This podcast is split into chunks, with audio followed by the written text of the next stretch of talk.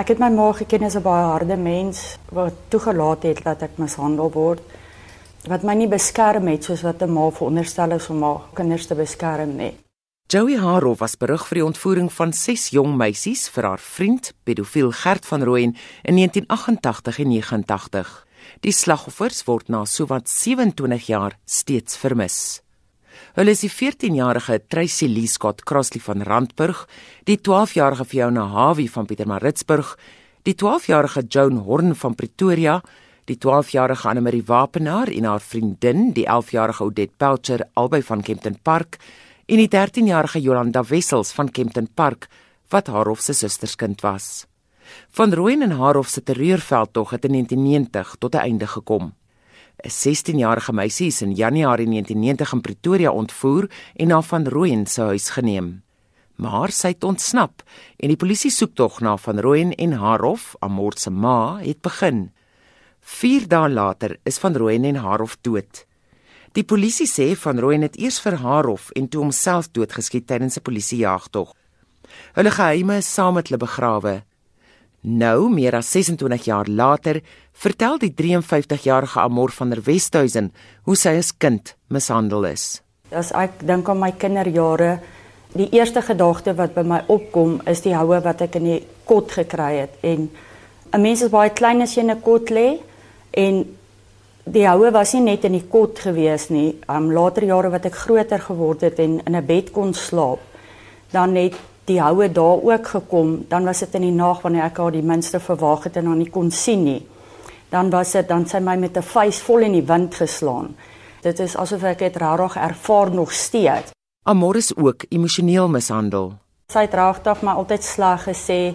Sy het altyd vir my goeters gesê van jy weet jy sal nooit in die lewe iets bereik of iets nie.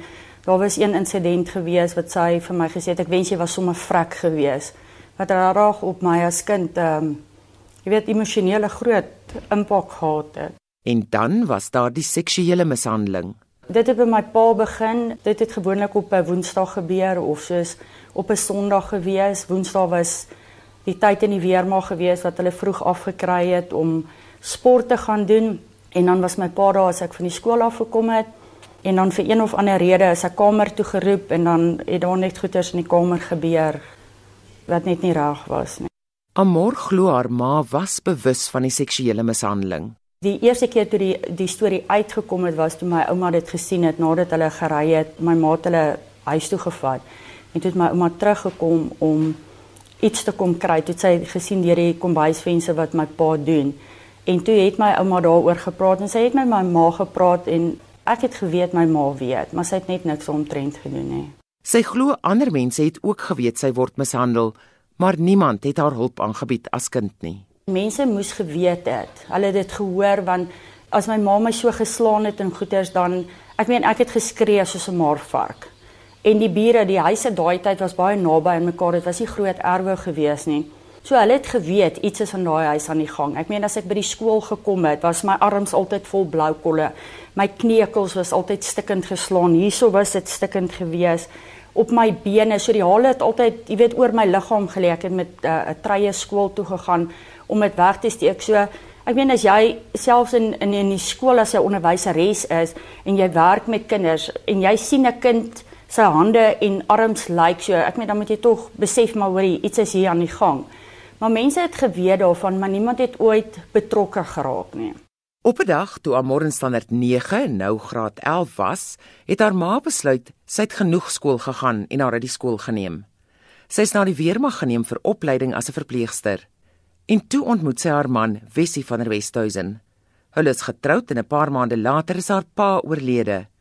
Sy kan nie onthou presies wanneer haar ma vir Gert van Rooyen ontmoet het nie, maar onthou goed hoe sy uitgevind het die polisie soek na haar ma.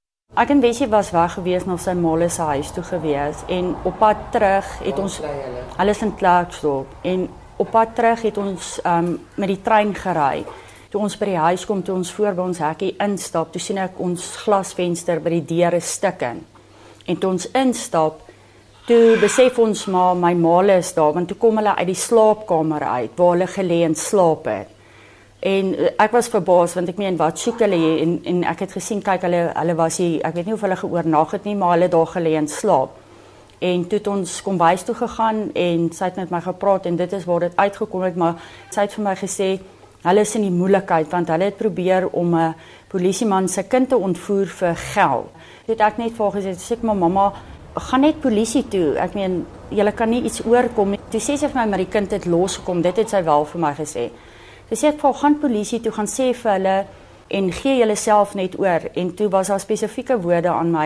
My kind jy verstaan nie. Hulle gaan ons doodmaak. En ja toe het hulle op die ou einde na nog geselsies wat ons met hulle gehad het het hulle besluit om te gaan en hulle is weg. En toe het ek en Wessie geloop en ons het 'n uh, gaan bel. Toe bel ons vir tannie Poppy om met haar te praat. En dis toe dat sy vir my gesê het maar my kind verstaan jy nie? Weet jy nie dit is hulle wat die kinders ontvoer het en ek het eers nie dadelik gesnap wat sy vir my sê nie. Maar toe sy nou vir my sê van die kombi en die bakkie en goeders, toe besef ek en ja, dit is waar ons nou begin besef het wat is eintlik aan die gang.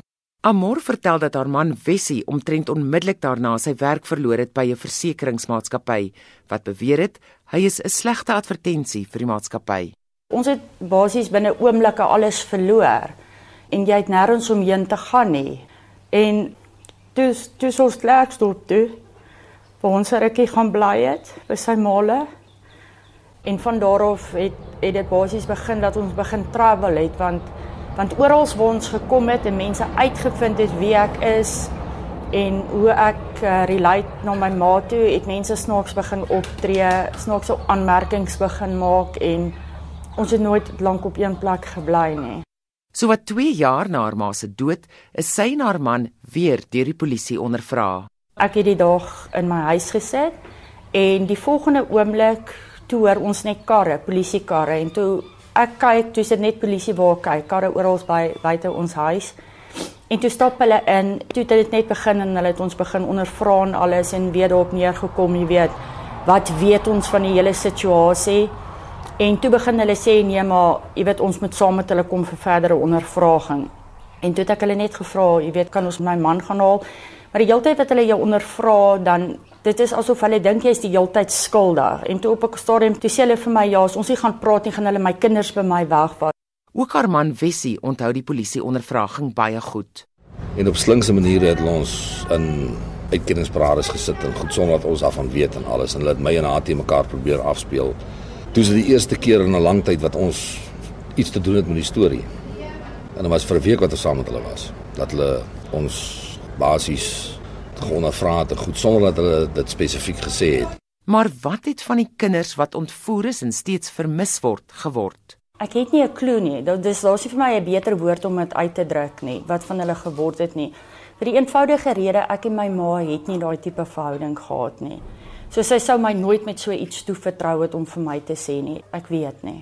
Die jare van mishandeling, swaar kry en verwerping het sy tol geëis en Amor het swaar gekry. Sy het veral gesukkel met depressie en het woede-uitbarstings gehad. So vir geen rede sou ek in die oggende wakker word dan dan is ek so hemerig dat ek jy kan dit nie vir iemand beskryf nie en ek het nie geweet hoe om jy weet uiting te gee aan wat in my binneste aan die gang is nie. So ek was baie kort van draad die mere gewees. Ek was 'n perfeksionis gewees in alles wat ek gedoen het. Ek het glad nie mense vertrou nie. Ek het nie geweet hoe om met mense oor die weg te kom nie. Emosioneel was ek 'n stikkende mens gewees. Ek het nie selfvertroue gehad nie. Ek het nie omgegee hoe ek lyk like nie. Ek het geen doelwitte in my lewe gehad nie. Ek het letterlik net bestaan. Amor sê vir haar was die keerpunt die geboorte van haar kinders. Kyk my oudste seun, ek was baie streng omdat my ma altyd baie streng was uit alles wat met my gebeur het, as ek hulle moes pak gee of enigiets moes doen, was dit soos 'n prentjie wat ek die hele tyd gesien het.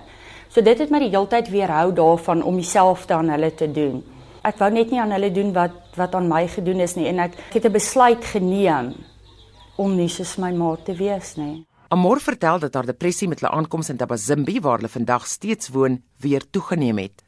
'n Vriendin het haar na Pretoria genooi en onderneem om Amor na haar suster, 'n pastoor, te neem. Op pad van Pretoria wat wat Susan my toe gevat het na haar sussie toe, het ek die hele tyd net gebid. En um ek het net op daai stadium vir die Here gesê, ek is moeg. Ek is moeg om te deel met al die goed. Ek wil net gesond word. Ek wil net my lewe uitsorteer.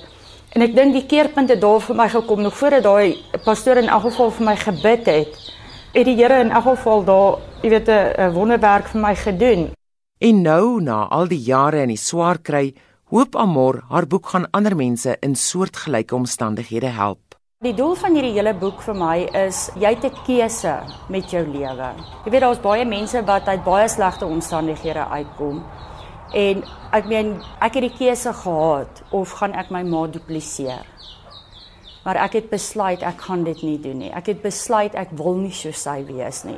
Ek het net gevoel deur hierdie boek wil ek 'n stem wees vandag vir kinders. En ek het rarig net een vraag wat ek wil vra met mense wat kinders mishandel, mense wat kinders seksueel molesteer, wil ek vir hulle vra, ek wil sê, wie het jou toestemming gegee om dit te doen? Wie het jou die reg gegee om dit te doen? Want jy weet 'n kind kan nie homself verdedig teen groot mense nie. Die ding is jy kan vir my 100 keer sê jy is jammer oor wat jy my gedoen het. Dit maak nie die skade reg nie. Dit maak nie die skade reg nie. Dit vat so lank om dit reg te maak. En dit het my regtig meer as 20 jaar gevat om reg te kom, om 'n gesonde mens aan die kant uit te kom. Dit was Amor van der Westhuizen, Joey Harof se dogter, Alet van Rensburg, SAK nuus.